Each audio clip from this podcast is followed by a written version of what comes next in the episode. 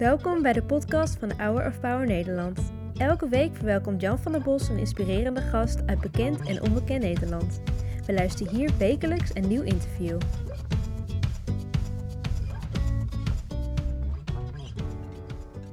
Een prachtig lied over de geboorte van Jezus, die de wereld op zijn kop zou zetten. En uh, dat vieren we met kerst. De diepere boodschap daarvan, daar ga ik over met jou ook over praten. Want voor jou is dat ook een zoektocht, nog steeds. Van harte welkom. Je bent docent, je bent acteur en je bent schrijver. Laten we eens bij het begin beginnen. Geboren in Marrakesh. Ja, in uh, 1979. Ja. In het mooie Marrakesh. En uh, op mijn uh, derde levensjaar zijn we naar Venlo verhuisd. Ja. In het zuiden van Nederland. Wat ja. een verschil. Ja, een heel groot verschil. Ja, mijn vader die was er al, die was al jaren. En toen hij pas een vaste baan kreeg uh, bij een ijzergieterij in Venlo, heeft hij ons naar Nederland gehaald. Ja, met het idee dat het hier allemaal veel beter, uh, mooier en eerlijker zou zijn voor ons. En? Ja, ja, dan moet je eerst je vader nog leren kennen. Want dat was, ja, die, die, die ja, man, ja. mijn vader, die ja, kende ik nog niet zo goed. En pas in Nederland leerde ik hem kennen. En dan kom je erachter dat hij sloeg jou? Ja, ik ben opgegroeid uh, met huiselijk geweld, ja. ja. Uh, omdat mijn vader zich ja, ook misschien niet kon aarden, uh, voor ons moest zorgen, maar ook voor zijn eigen familie, broers en zussen in, in Marokko. En dat gesprek heb ik nooit met mijn vader kunnen voeren, omdat het altijd het vingertje wijzen is van, ja, het lag allemaal bij jullie, bij jou. Ja. En, hoe, hoe is dat als je zo opgroeit, dat je een, nou, mag ik het zo zeggen, een liefdeloze vader hebt? Dat is, uh, dat is ontzettend zwaar. Als kind, drie, werd vier jaar, uh, dan ben je op, nog op zoek naar jezelf. Hè, en op zoek naar wie je wilt zijn, wie je wilt worden. En ja, dan word je uh, mishandeld thuis. En dan hoop je ergens nog gezien te worden. Als het niet thuis is, hoop je dat op straat te vinden of op school, de gemeenschap. Maar als niemand je ziet, niemand erkent het leed dat je hebt. Ja, dan, wat doe je dan als kind? Ik, ik ben niet minder van mijn vader gaan houden. Ik ben minder van mezelf gaan houden. En, en dat is mijn maar basis dat is heel tragisch, hè? Dat is ontzettend tragisch. Want, ja. want ik, ik, gaf mezelf de schuld. Niemand deed iets, dus dan zou ik dit wel verdiend hebben. Vanuit daar ben ik gaan, gaan groeien, gaan bouwen aan mijn, aan mijn eigen ik. Is mijn zoektocht gestart met 3-0 achterstand. En naarmate ik ouder werd, werd het voor mij steeds bevestigd dat ik er niet bij hoorde. Niet bij de Marokkaanse samenleving? Niet bij de Marokkaanse samenleving. Niet, niet bij, bij, de, de Nederlandse samenleving? Nee. Bij mijn Nederlandse uh, uh, gemeenschap was ik uh, de allochtoon. Ik was ja. altijd de Marokkaan. Ik was nooit alleen Abi. Zoals ja. een Piet Piet is. Of een Klaas Klaas. Ja. Maar ik was altijd Abi en zijn stal is in Marrakesh. Oké. Okay. En bij mijn eigen Marokkaanse gemeenschap was ik die verkaasde Marokkaan. Ik was de Nederlander. Ik was de nep-moslim. De nep-Marokkaan. En, en als je dat continu hoort, op zoek naar bevestiging, op zoek om ergens bij te horen, ja, dan trek je steeds meer terug. En voornamelijk wat ik deed, is dat steeds meer terug in, in, in mijn hoofd. In dat gevecht met mezelf aangaan. Omdat ik vanuit huis nooit heb geleerd om te praten over mijn gevoelens.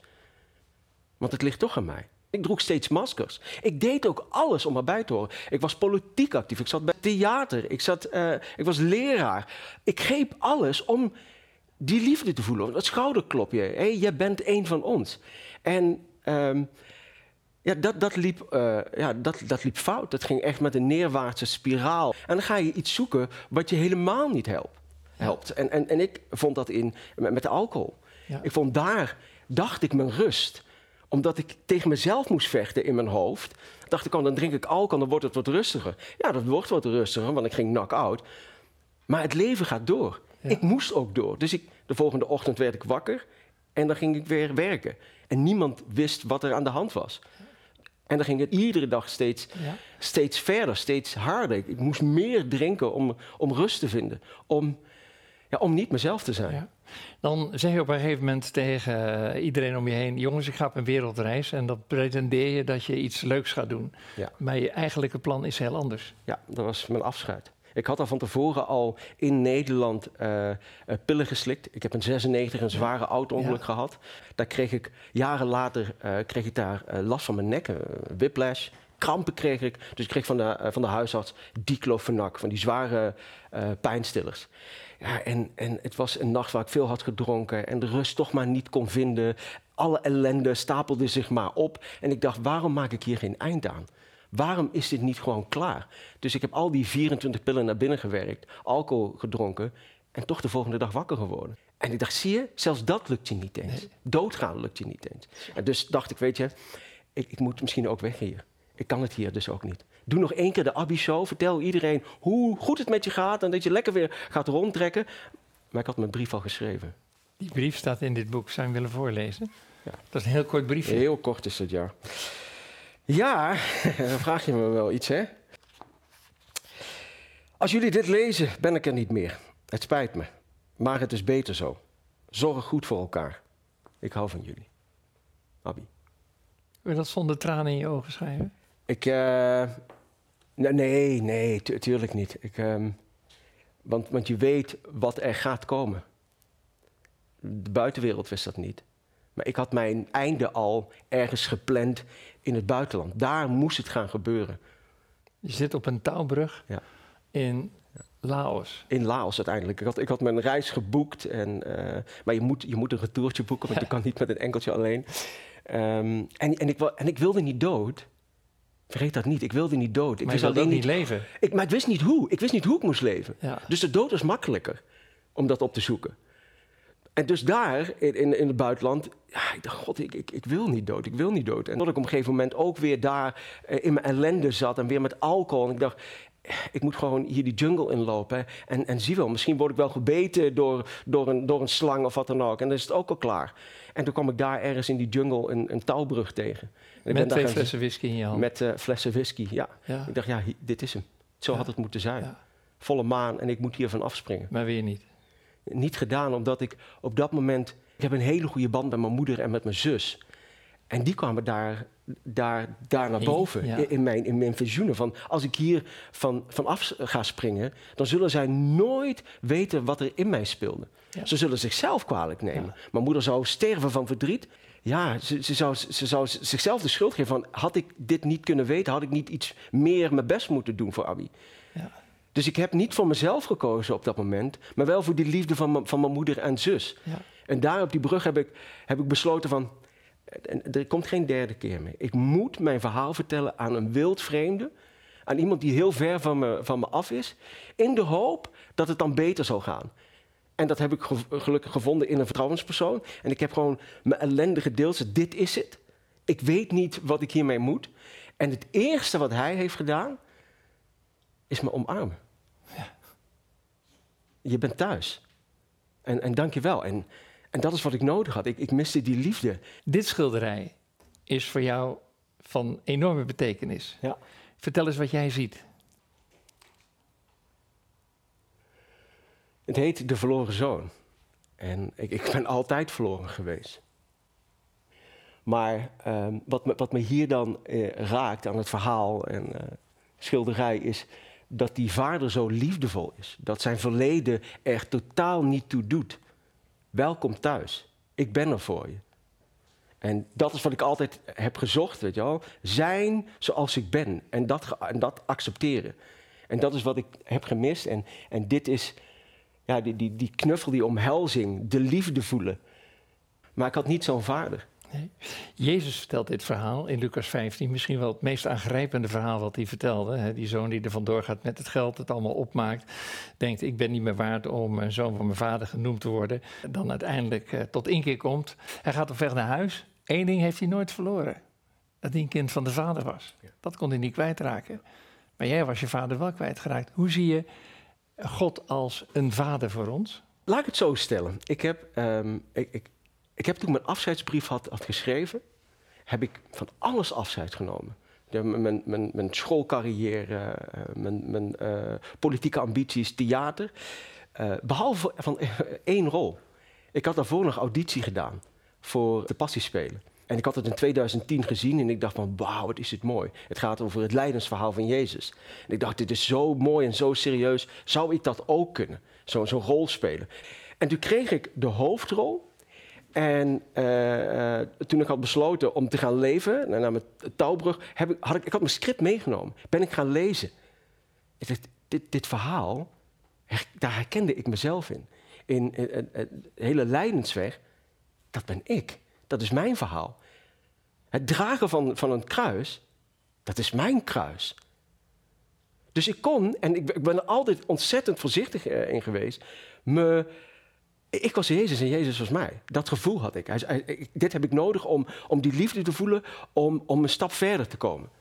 Dus ik ben dat ook ik ben gaan spelen. Ik hoefde niet te spelen. Die hele kruisstok die ik heb daar moeten spelen. Nou, ik keek mensen aan met mijn leed, met mijn pijn, maar niemand deed wat. Ik had gehoopt dat mijn ogen zouden spreken, mijn, mijn, mijn, mijn ellende verteld zou, zou, zou worden.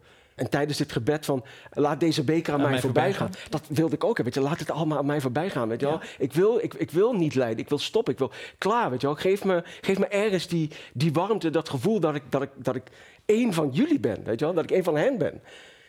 En daar vond ik in die twijfel, in dat gebed, vond ik de mens. En ben ik daar ontzettend van gaan houden. Want ik wilde ook zo sterk zijn als hem. Om door te gaan.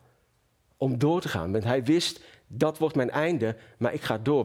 Want, ik ben, want mijn verhaal, mijn boodschap is veel groter dan ik zelf ben. Ja, zoon van God, hè, die naar deze aarde kwam voor ons als kerstkind. Om na 33 jaar aan het kruis te sterven. Jij wilde verder ontdekken wie is nou die Jezus, de rol die ik speelde. Je bent daarvoor naar Israël gegaan prachtig land. Ik vond het echt super mooi. Uh, Tel Aviv en eenmaal in, in Jeruzalem ja, zie je dan dat die geloven door elkaar heen lopen. Hè? Iedereen is wel bezig met zijn eigen wereld. Ja. Vier allemaal verschillende werelden in één stad. En toen dacht ik, wat leven we naast elkaar? Dit is denk ik nooit het idee geweest van, van, van het geloof. En ik ben een hele Jezusroute gaan, gaan lopen. Om dat allemaal te ervaren. En ja, dat vond ik ontzettend mooi, vond ik ontzettend waardevol. Kwam je ook tegen, Jezus? Ik kwam mezelf tegen. Maar Jezus ook? Dat veel later. Hij heeft me daarin geholpen in, in, in mijn lijden. En toen ben ik van hem gaan houden. Als, als mens. Die niet zo ver van me afstond. En dat heeft me uh, uiteindelijk ook geholpen in mijn zoektocht naar, naar wie ik ben. In de islam is Jezus een van de grote profeten, Isu. Ja. Uh, voor de christen is hij de verlosser die naar deze aarde kwam. Uh, om mensen en God te verzoenen. Prachtig beeld natuurlijk van Rembrandt, die zijn hand op uh, de schouder van de jongen ligt krachtig. Aan de andere kant is uh, de hand van het Joodse bruidje, die die veel, de tere kant. Ja. maar uiteindelijk die, die, die vleugels die hij om zijn zoon heen slaat, verbeeld door die mantel. Voel je je nu geborgen?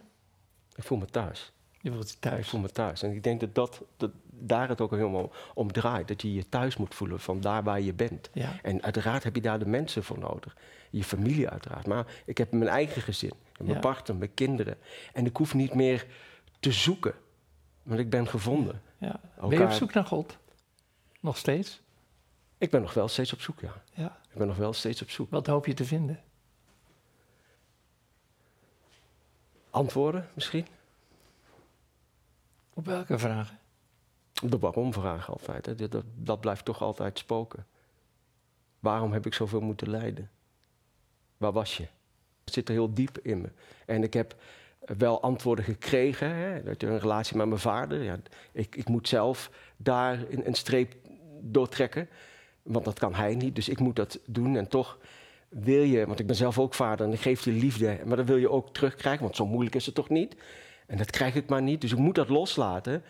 Dus ik moet gaan rouwen om iemand die nog leeft. En dat is ontzettend moeilijk. Ja, en daar, daar, dat zijn nog heel veel vragen die ik dan heb uh, in, in mijn leven. En niemand heeft me gehoord, gezien. Waarom? Waarom ben ik niet gehoord, joh? Ja. Die vragen allemaal. En uiteraard, ja. ja. Waar was je? Waar ja. was je toen ik je nodig had? Ja. ja. Weet je wat ik het mooie vind? Dat je, eh, een eerlijk gesprek. Wat ik zie in dat beeld is dat uh, we allemaal ergens verloren zijn in ons leven. Maar dat uh, de hartelijke wens van God is om gevonden te worden en door zijn liefde omarmd te worden. Even nog, je, gaat, uh, je bent net begonnen met een, ja. een theatertour. Ja, ik blijf bij je. aan de hand van, van het boek. Ik heb een ja. boek geschreven en dan neem ik dan mensen mee in mijn verhaal. Hè, van ja. waar, ik ben, waar ik vandaan ben gekomen, waar ik uiteindelijk terecht ben gekomen. Uh, en dan die momenten in mijn leven die hebben bij kunnen dragen aan mijn ziekte, aan mijn depressie, aan die demonen in mijn hoofd. En uh, daar heb ik dus ook een, een theatervoorstelling. En, en ja. dan vertel ik mijn verhaal. In de hoop die kleine Abby te vinden. Ja, en anderen te helpen. En anderen te helpen. Abby, heel hartelijk dank voor het uh, gesprek. Uh, je bent een zoeker, je bent gevonden. En de zoektocht van het leven gaat nog door. Ja. En uh, wat ik mooi vind is dat je probeert te zijn waar we toegeroepen zijn om anderen lief te hebben vanuit de liefde van God. Ik uh, ga je niet met lege handen naar huis laten gaan. Ik moet even deze kat verwijderen, want die is erop gaan liggen. en uh, oh, wow. deze. Je bent geliefd. Ja.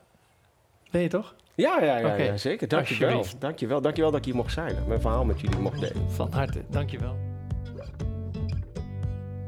Bedankt voor het luisteren naar het interview van deze week. We hopen dat dit verhaal jou heeft bemoedigd. Wil je meer weten over Hour of Power of andere interviews bekijken? Ga dan naar www.hourofpower.nl